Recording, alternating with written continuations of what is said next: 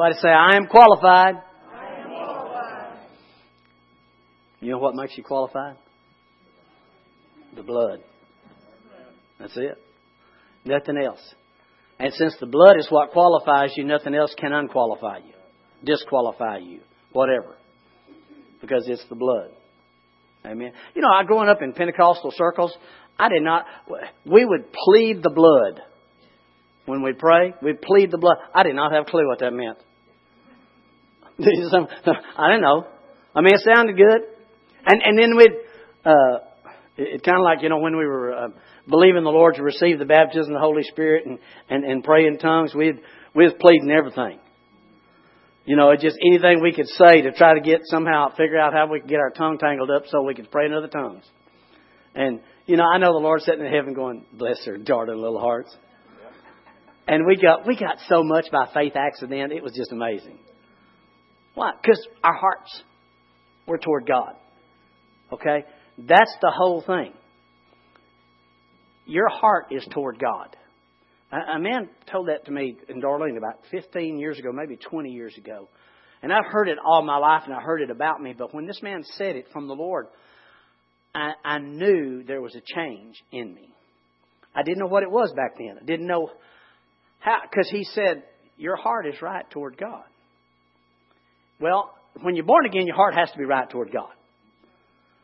And if you let your heart teach your mind, then your mind is going to be right toward God. Doesn't mean you're perfect. Doesn't mean you do everything right. But when that man said your heart is right toward God, the years before that, or the times before that, I would hear that. I would say, well, yeah, that's good that your heart's right toward God, but that doesn't really help you that much. You know, because our whole idea was being right and doing right and, and everything else, and you still messed up. But what I didn't understand is the whole key to your success and my success is your heart's right toward God. Amen. If any man be in Christ, he is a new creature. Old things are passed away. Behold, all things have become new, and all things are of God. So your heart is right toward God. You can depend on your heart. Can't always depend on your mind, but you can depend on your heart. All right? Now, I'll tell you what, before I go to that, go to Luke at Luke 24.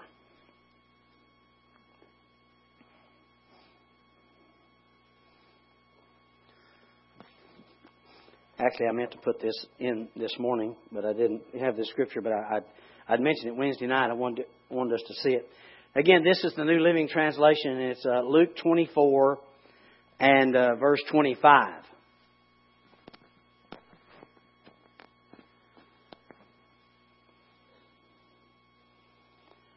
This is after the Lord's resurrection, and there's some uh, uh, disciples. I heard a minister minister the other day, and he had uh, in into history and seen that these two disciples were actually a man and his wife. And I had not heard that, but I thought, well, that's that's a pretty cool deal. Uh, but they were walking along and they were discussing all the events of Jesus' death and burial and resurrection. Well, Jesus walks up and starts walking with them. And as he walked with them, they, they said something to him, and he said, uh, Jesus said to them, You foolish people, you find it so hard to believe all that the prophets wrote in the Scriptures. Wasn't it clearly predicted that the Messiah would have to suffer all these things before entering his glory? Then Jesus took them through the writings of Moses and all the prophets, explaining from all the Scriptures the things concerning how to live by faith. The things concerning how to do what's right before God. The things concerning how to fix your marriage. The things concerning how to. You see what I'm getting at? Somebody don't see what I'm getting at. See, in, in Christianity, a lot of times we grew up just simply teaching people how to fix stuff. Well, let me tell you what you're doing wrong, brother. You know, if you do that, you, you're just not reading enough. You're just not praying enough. You need to be doing this. If you do this more, this will fit. You know. Are you with me? Am I the only one that that happened to? Okay. What they said their hearts burned within them as they talked with him along the way. Why? Because he talked to them from the scripture concerning himself. There is nothing more important than you and me walking and talking with Jesus. Nothing more important than me and you reading about Jesus. You say, well, if we just do that, how, how are we all going to know how to fix our marriages and fix our money and fix of it? Oh, foolish. No, no.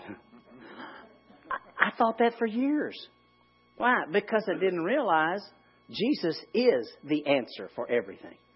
Not, not his ways. Wow, you're a tough crowd this morning. You say, well, I see, because it gets back into what we are supposed to do. What we're supposed to do, well, I'll give you one. Seek first the kingdom of God. Matthew 6.33, right? Seek ye first the kingdom of God and His righteousness. Now that's where that Bible verse said, His way of doing and being right. But boy, that's all I needed. So I wanted, to, I had to do what's right. I had to be, you know. No, that's not what it, that's not the way it is. Seek first the kingdom of God and His righteousness, not your own righteousness, not your own working and doing and being and praying and believing and all this, not your His righteousness. His righteousness is a gift. You get it when you're a stinker. Jack did anyway. No, I just kidding. No, we all do. You don't get His righteousness because you did something good. You got His righteousness because He loves you. When you accepted Jesus Christ as your Lord and Savior, the righteousness of God is who you became. Okay? Seek first. I think I, t- I told the group Wednesday night, Monty was preaching this one day, and I heard him talking about it. These two words, seek there. He had just got through telling them you know, seek, don't seek the money and don't seek the clothes and don't seek the food and all these things. He said, because after all that, do the Gentiles seek?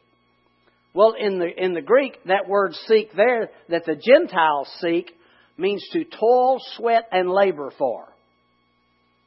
After all these things do the Gentiles seek. Then it says, but seek ye first and foremost the kingdom of God.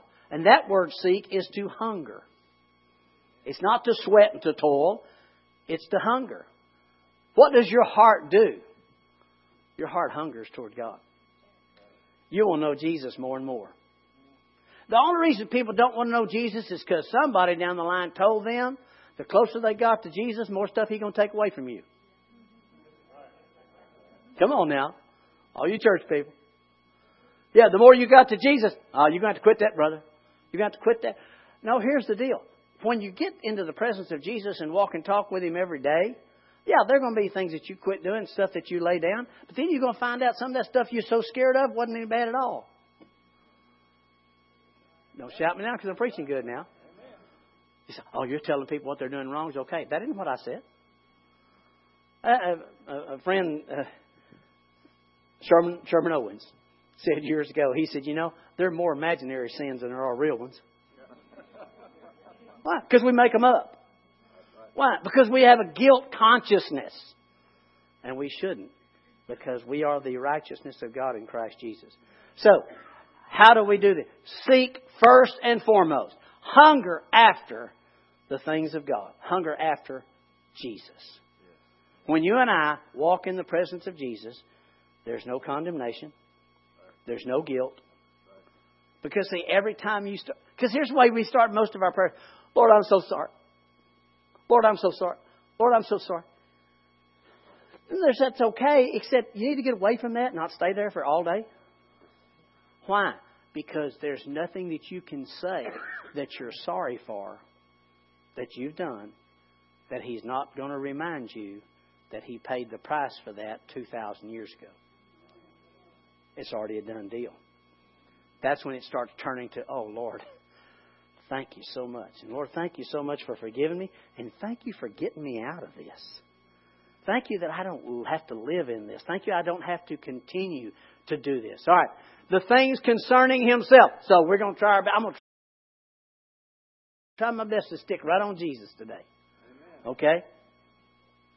Now, he is the Word. So I'm going to try to stay between Genesis and Revelation. Very quickly, all right? The gospel of the Lord Jesus Christ, for me, can be boiled down to a few thousand verses. No, just for God so loved the world that he gave his only begotten Son, that whosoever believeth in him should not perish, but have everlasting life. Now, verse 17.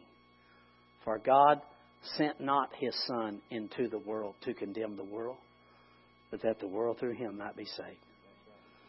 Don't leave out 17. You see, without without putting 17 in there, 16, you say, "Oh, that's wonderful that I feel so guilty." But with 17, you say, "No, He didn't send him here to condemn us. He sent him here to save us." Amen. Amen. All right, let's go to Romans chapter one.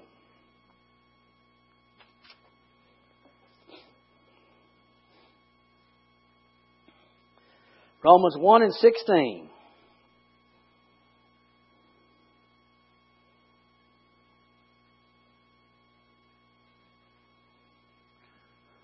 Here's the New Living Translation. For I'm not ashamed of the good news about Christ. It is the power of God. What is the power of God? It's not a trick question. What is it? That's pretty simple, isn't it? If anybody should ask me, what's the power of God?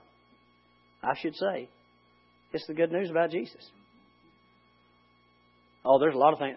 No, it's the good news about Jesus. That's the power of God. And I don't know if any of us here that don't want the power of God in our lives. Amen. I want God's power in my life to heal me, to keep me whole, protected, to make me wealthy, to make my family right, fixed, good, all these other things. I want the power of God doing it.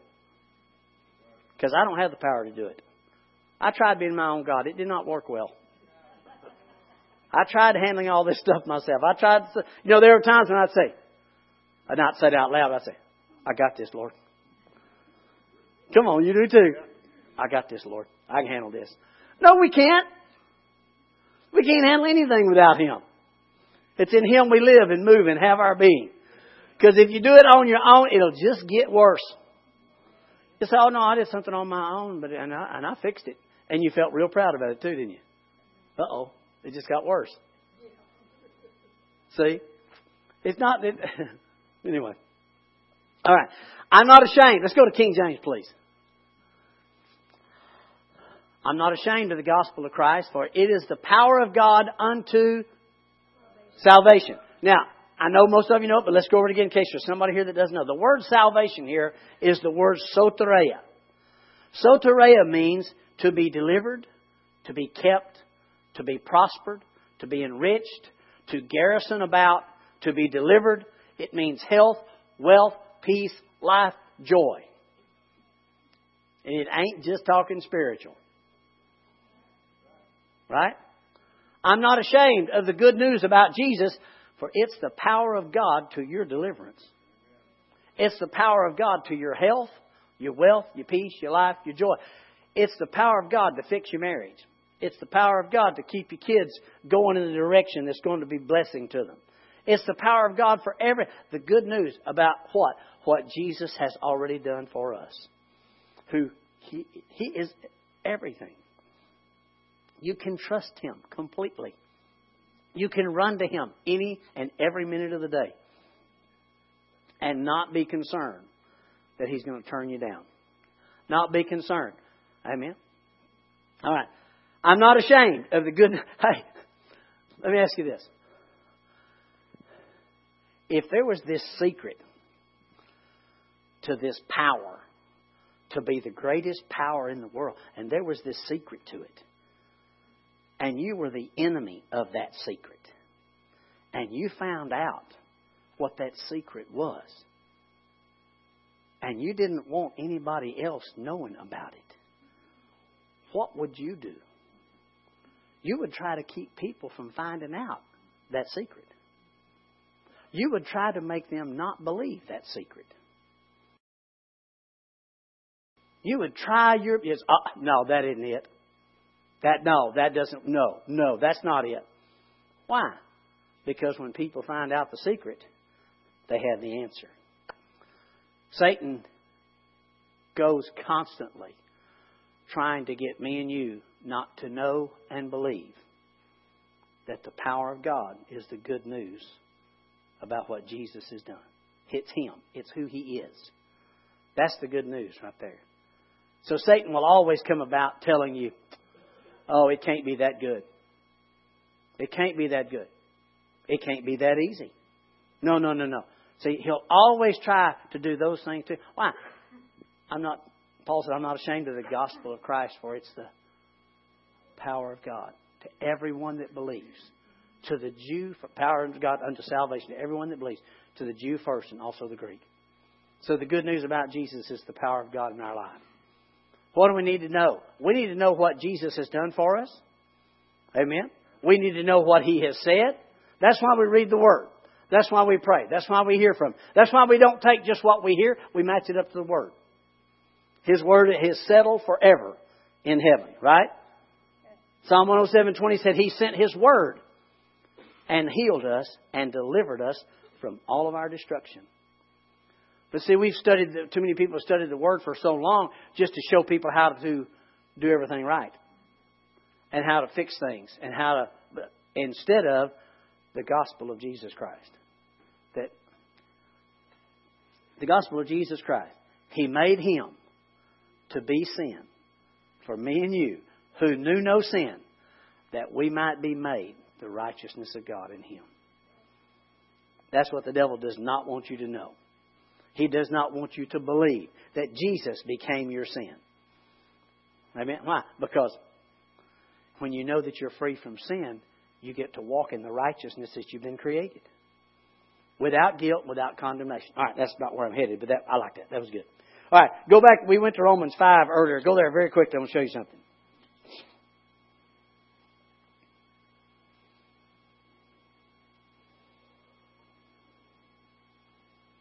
Romans 5 and 17.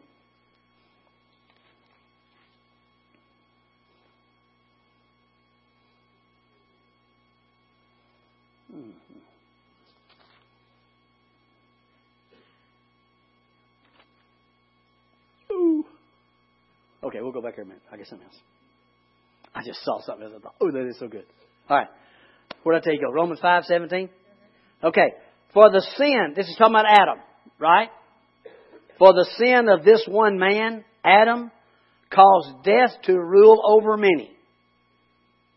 But even greater is God's wonderful grace and His gift of righteousness. For all who receive it will live in triumph over sin and death through this one man, Jesus Christ. Have you ever looked at that comparison? I really had not till I got to look at this and read it. Because of one man's sin, who was that man? Adam. Now, you got to realize sin reigns out there in people's lives. Other than through the Lord Jesus Christ, sin reigns. Why? Because of one man. Why did people become sinners? Because of what they did? No, because what Adam did. Sin reigned because one man, Adam. I mean, you that's what the, I didn't. I didn't write that in there. The Bible said that. Sin reigned because of one man. Now, the Bible plainly says, since by man, since since sin entered the world by man, then righteousness had to come in by man, and we know how that took place. But look at the comparison here. If, if, if you want to start getting yourself free, start comparing. What caused sin? Adam. How big is he? That one man caused sin. But much more. They which receive the abundance of grace and the gift of righteousness will reign in life through one man, Jesus Christ. You say, what are you talking about? Well, the, the, the power or the thing that hinged, that sin hinged on was Adam. He's the one that caused all this. We get to heaven, we're going to talk to him. No, just kidding. He's the one that caused all this. But he's just a regular man. And he caused that. And everybody that was born into this earth was born with a sin nature because of that man. Think about that. That man. Now, if you ask anybody, tell me, who's the most powerful, Adam or Jesus? What we all going to say? Then let's start thinking like it. Let's start living like it. Why? Because what Adam do did, what Adam did, can't touch what Jesus has done for me and you. Amen. Think about that. Adam's sin brought death. Jesus' death, actually, the resurrection brought life, but he had to die first. So let's start remembering. Don't tell don't anybody tell you you're an old sinner saved by grace. You were an old sinner. But when you got born again, you didn't just, well, I'm going to turn over a new leaf. I'm going to do better. No. The power of Almighty God through the Lord Jesus Christ entered your life and you became a new creature. You say, yeah, yeah, yeah, but I've still made mistakes and I still I still sin from time to time. No, wait a minute. What? Nothing that you did made you a sinner. What Adam did made you a sinner. So what you did does not make you righteous. It's what Jesus did. All right? There's your key right there. So stay with that. That's the good news about Jesus. That's the good news right there. All right, I got I got to get further on into this. Look here.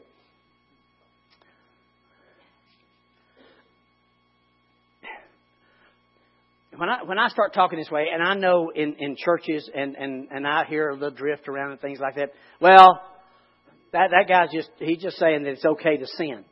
That is not what I'm saying. I promise you, that's not sin. When it is finished, brings forth death. All right, God has paid the price for that spiritual death, and sin will not kill you spiritually, but it could sure kill you naturally. I mean, it's like that, that, that story I tell you that's kind of long, but I'll shorten it where the guy and his family's been going through all this mess and they've, they've lost everything they had and they did have a lot of money and they had everything fixed and, and one by one they started losing everything, losing everything. And finally the guy comes home one day and tells his wife, I want to confess to you. He said, you know, I, all this time when we, we, I told you we lost this and I had to do this and we lost the summer house and we lost the cars and we lost all this. He said, actually, all these years I've had a, a mistress and she has children, and I've been using all that to take care of her and her family. And da da da. Just went through this whole spiel. I don't have time to, or won't take time. And then he says, but on the way home, I realized this is just so wrong, and I asked the Lord to forgive me, and He forgave me, and now everything is okay. Did the Lord forgive him? Certainly on the cross. Is everything okay? Not by a long shot. Why? Because sin, when it is finished, bring forth death. So it is not okay to sin. Sin will take you down a road you didn't want to be go uh, on, right? Take you somewhere you didn't want to go, make you stay longer than you wanted to stay, and cost you a whole lot more than you wanted to spend. That's it. But Jesus has paid the price for the spiritual sin in your life. And as you trust Him, the results of death on that will not touch you of what you have done. You see what I'm getting at? So don't don't say don't Pastor Butch said it's okay to sin. No, that's not what I said. Now has Jesus paid the price for all? Yes, he has. Sin sin takes life every time. To miss the mark takes life. But we have social sins we have sins that are socially acceptable, unsocially, not socially acceptable, that we all measure up. God says, whatsoever is not of faith. And come on, you're scared to say that? Whatsoever is not of faith is sin. That's why Jesus had to die for everything. Are you with me? Okay. So, no. When the righteous are in authority, people live in peace. All right, so if you and I live in our lives in authority, we dwell in peace. That's just the way it is. Because that's, that's our, our God in our life. Okay? All right. Uh, what I was getting at is that, you know, the Apostle Paul, he said, I have been slanderously reported that I say. Well, since when sin does abound, God's grace does much more abound. He said people are saying that I'm preaching that it's okay to sin so that God's grace will abound. And he said, That's not what I preach. But here's what I'm asking us, and I've heard this and you have too many times. If Paul was preaching a gospel that was so good, so wonderful, so exciting about Jesus Christ that people said that he's preaching it's okay to sin so that grace may abound, if he was getting accused of that, why aren't we? Why aren't we? We need to be preaching a gospel so good it makes people mad. We should be. I mean, you can make them mad real easy. Just let some Christian let you hear, let, let, let some Christian hear you tell some other person that what they did, that God's forgiven them for that, without them repenting with strong squalling and bawling. And and most Christians will get mad. No, no, brother, forgiveness is not automatic. No, I understand it's not automatic. It's already been paid for, but you have to receive it. You can walk around in guilt from now on if you want to, and and the price has been paid and you're not reaping the benefit of it. Why? That's the message of Jesus. God made him who knew no sin to be sin for us that we can be made the righteousness of God in him. I wasn't planning on going here. Evidently, some of you people needing this because this was not where I was going. Anyway, if they said that about Paul, they ought to be saying it about us. Oh, you're just making it too easy for people. God never intended for it to be hard. Religion is hard. The law is hard. Christianity is easy. His name is Jesus. It's a person. Him. He. You walk and talk with Him every day of your life. He has forgiven you, past, present, and future. His blessing is upon your life every day of your life. And all you have to do to receive it is believe. Because believing changes everything. Okay. I tell you, go, go uh, where we still Romans. Go back to let's see. Go back to King James on that one, please. Romans five. Go back to Romans one and let's do Romans one seventeen.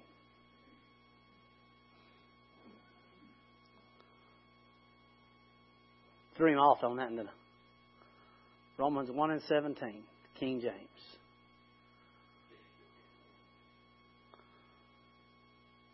Remember, Romans 1.16 says, For I'm not ashamed of the gospel of Christ, the good news about Jesus, because it's the power of God to salvation to everyone that believes.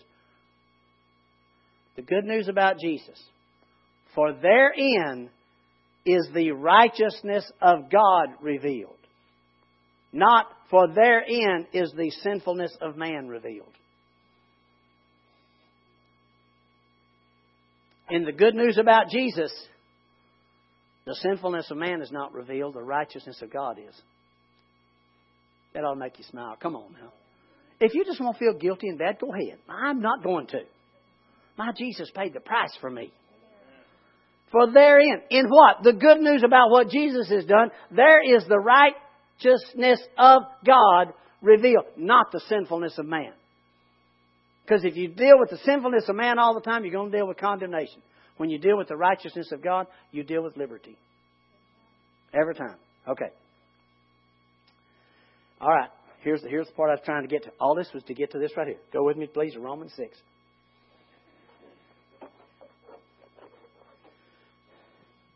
Because we as people, we want to do something.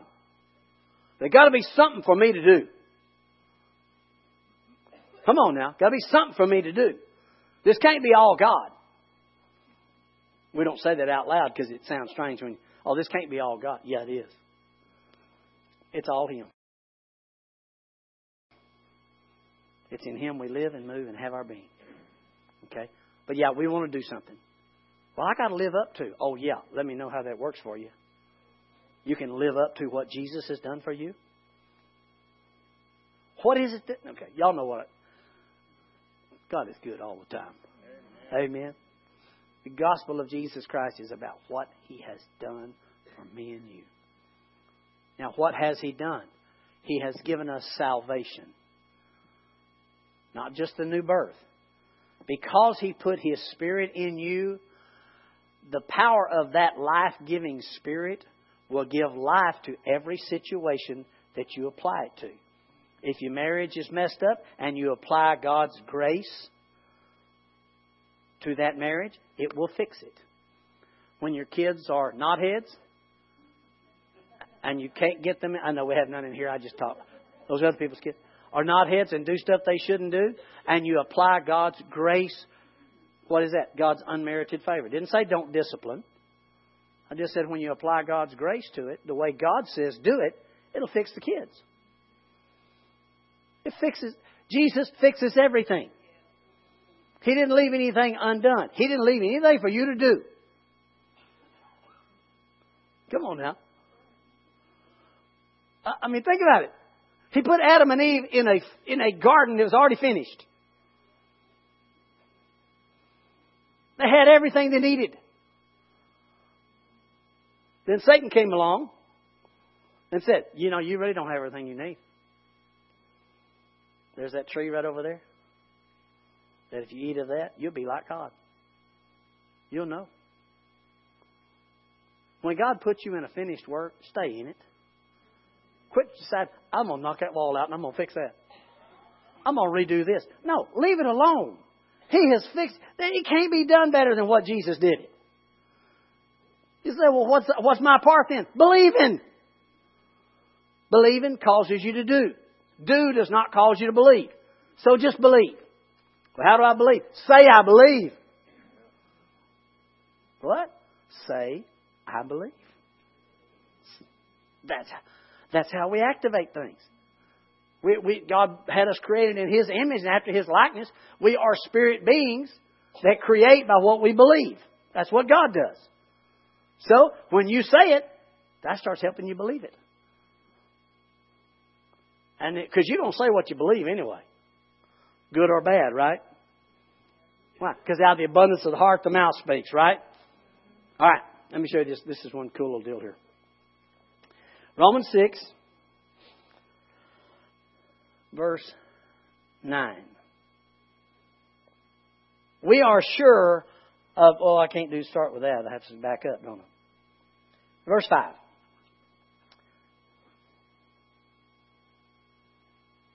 Okay. Verse 5. Since we have been united with him in his death, we will also be raised to life as he was. We know that our old sinful Uh, our old sinful selves were crucified with Christ so that sin might lose its power in our lives. You see that? Did you know that sin has lost its power in your life? I didn't say that. The Bible said that. You say, well, you could have fooled me. Well, we're going to get to that here in a minute. We are no longer slaves to sin. Will that come out of your mouth? Can you say that? We are no longer slaves to sin. For when we died with Christ, we were set free from the power of sin. And since we died with Christ, we know that we will also live with Him. We are sure of this one because Christ was raised from the dead. He will never die again. See, if, if you want to be very, well, correct, if Jesus died to it, you died to it because you're in Him. As far as the universe, as God's universe sees it, not the universe. I heard a baseball player thank the universe for a way of baseball with the other day. Anyway, the baseball went that way because the law of physics said it went that way. Okay, that's God put that in order. It wasn't the universe. Anyway, back to this. We're buried with him in baptism, and just as Christ was raised from the dead. Oh, I, I jumped. I, I went the wrong place. Where am I? Nine. Nine.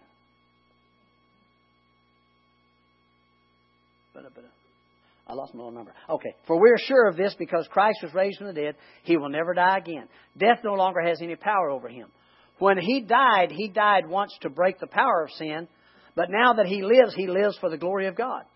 You should also consider yourselves to be dead to the power of sin and alive unto God through Jesus Christ. I'm not quitting, I'm just shutting this stuff. Okay, now look at this. King James, go to King James, please. I love this word.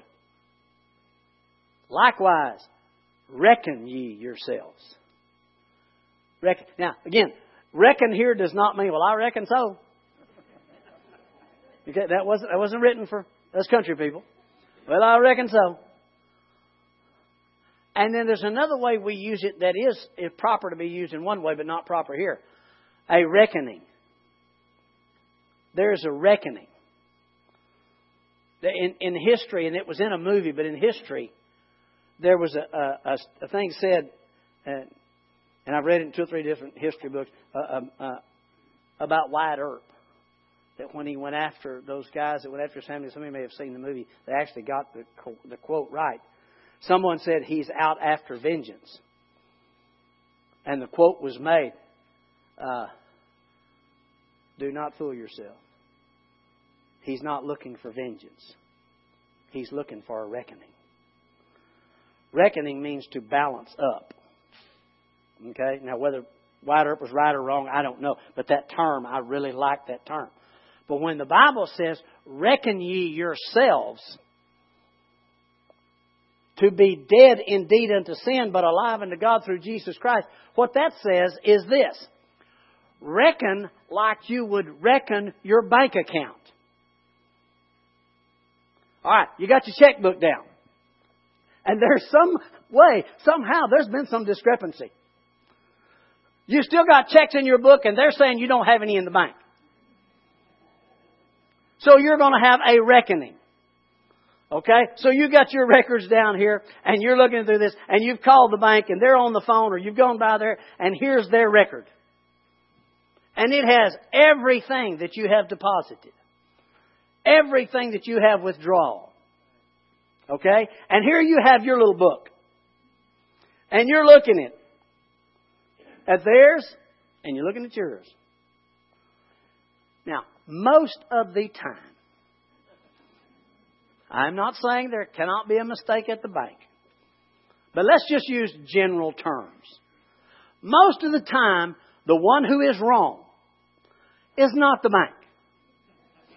The record that they have shows everything, when it happened and everything else. Yours was a hope so type deal. You were going to write that check and hopefully get that money in there before that check. Okay? So, we're reckoning here. And you're saying, I wrote that check. I mean, I didn't finish those numbers out in my in my little guide thingy here, but I know I wrote that check for you know, 100, $107, I think. I'm almost sure. I think that's 107. Well, when you reckon it up here, it was 177 dollars instead of 107. So they're they're not going to say, "Okay, let's scratch ours out. We'll make that 107 for you. That's okay." No, it's 177. Okay? Uh, that's the reckoning. You are matching it to the accurate one.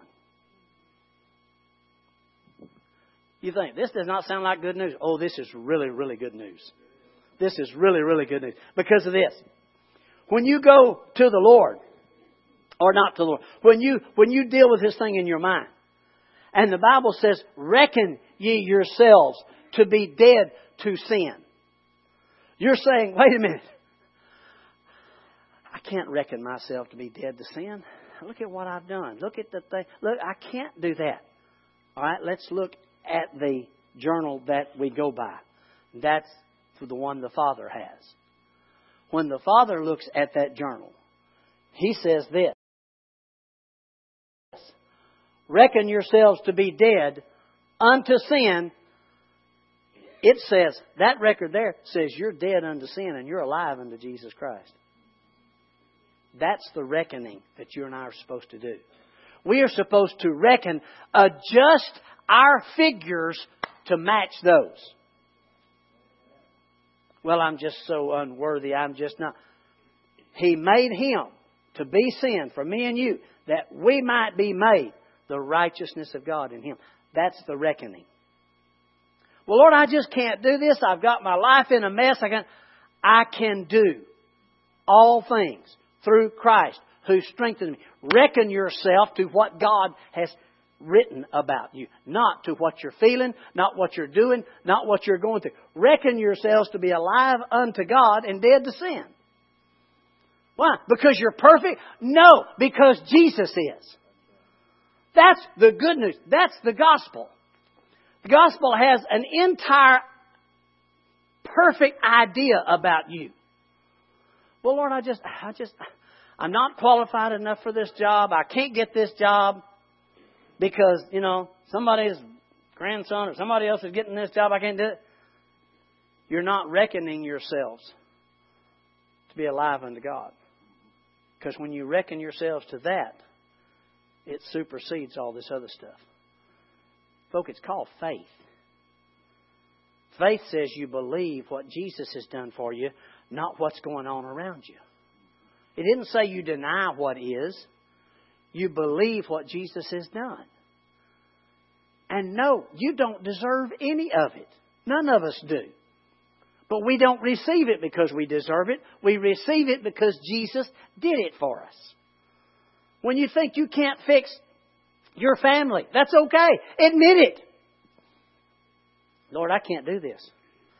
But I know you can. And the Word says, I am seated with Christ Jesus. Well, Lord, I can't get, you know, my, this and this and this runs in my family. I understand that. But reckon yourselves. In other words, take your records and don't try to scratch out heaven's records. Scratch out yours. Write what heaven says in yours. What Jesus has done for you, that's the good news. That's the gospel. Nothing else can be the gospel except what Jesus has done for you. And all you have to do is start depending on that. Just start trusting in that. You say, yes, but I needed it last week. I know we all do. But this day, we have to start reckoning ourselves. Make your record say what God's record says. He said, I'll never leave you or forsake you. So in the times when you think, Lord, I just feel like you're a thousand miles away, you can say, wait a minute. The record says, you're right here with me. You said you'd never leave me or forsake me. Lord, I just don't, I can't get over this. I feel so guilty about this. But the record says there is therefore now no condemnation to those who are in Christ Jesus.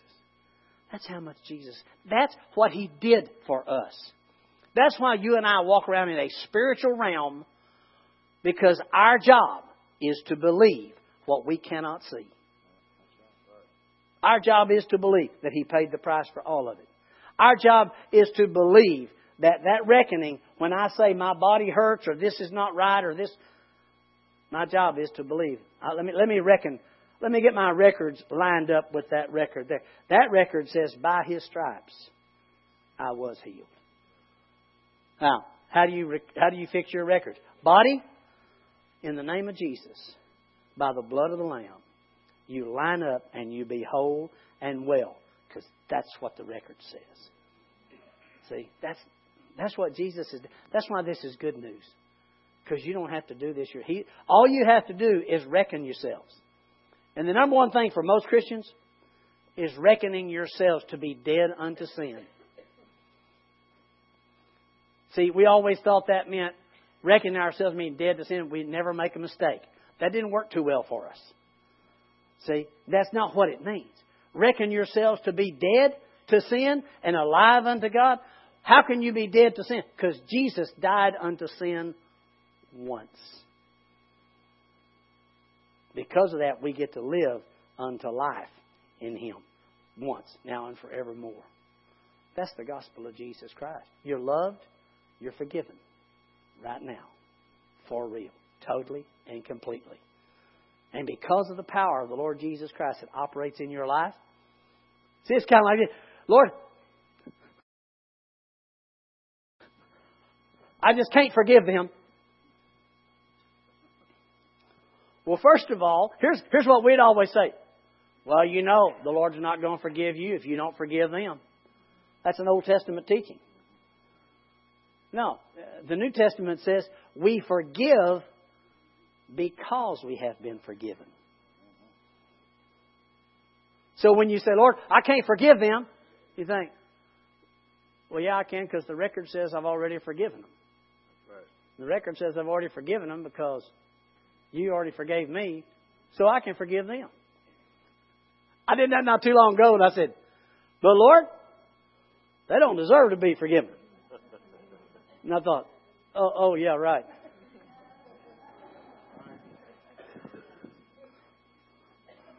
None of us deserve. Thank God for His mercy and His grace. Mercy says you get what you do not deserve. Or grace does, excuse me. Grace says you get what you do not deserve. Mercy says you don't get what you deserve.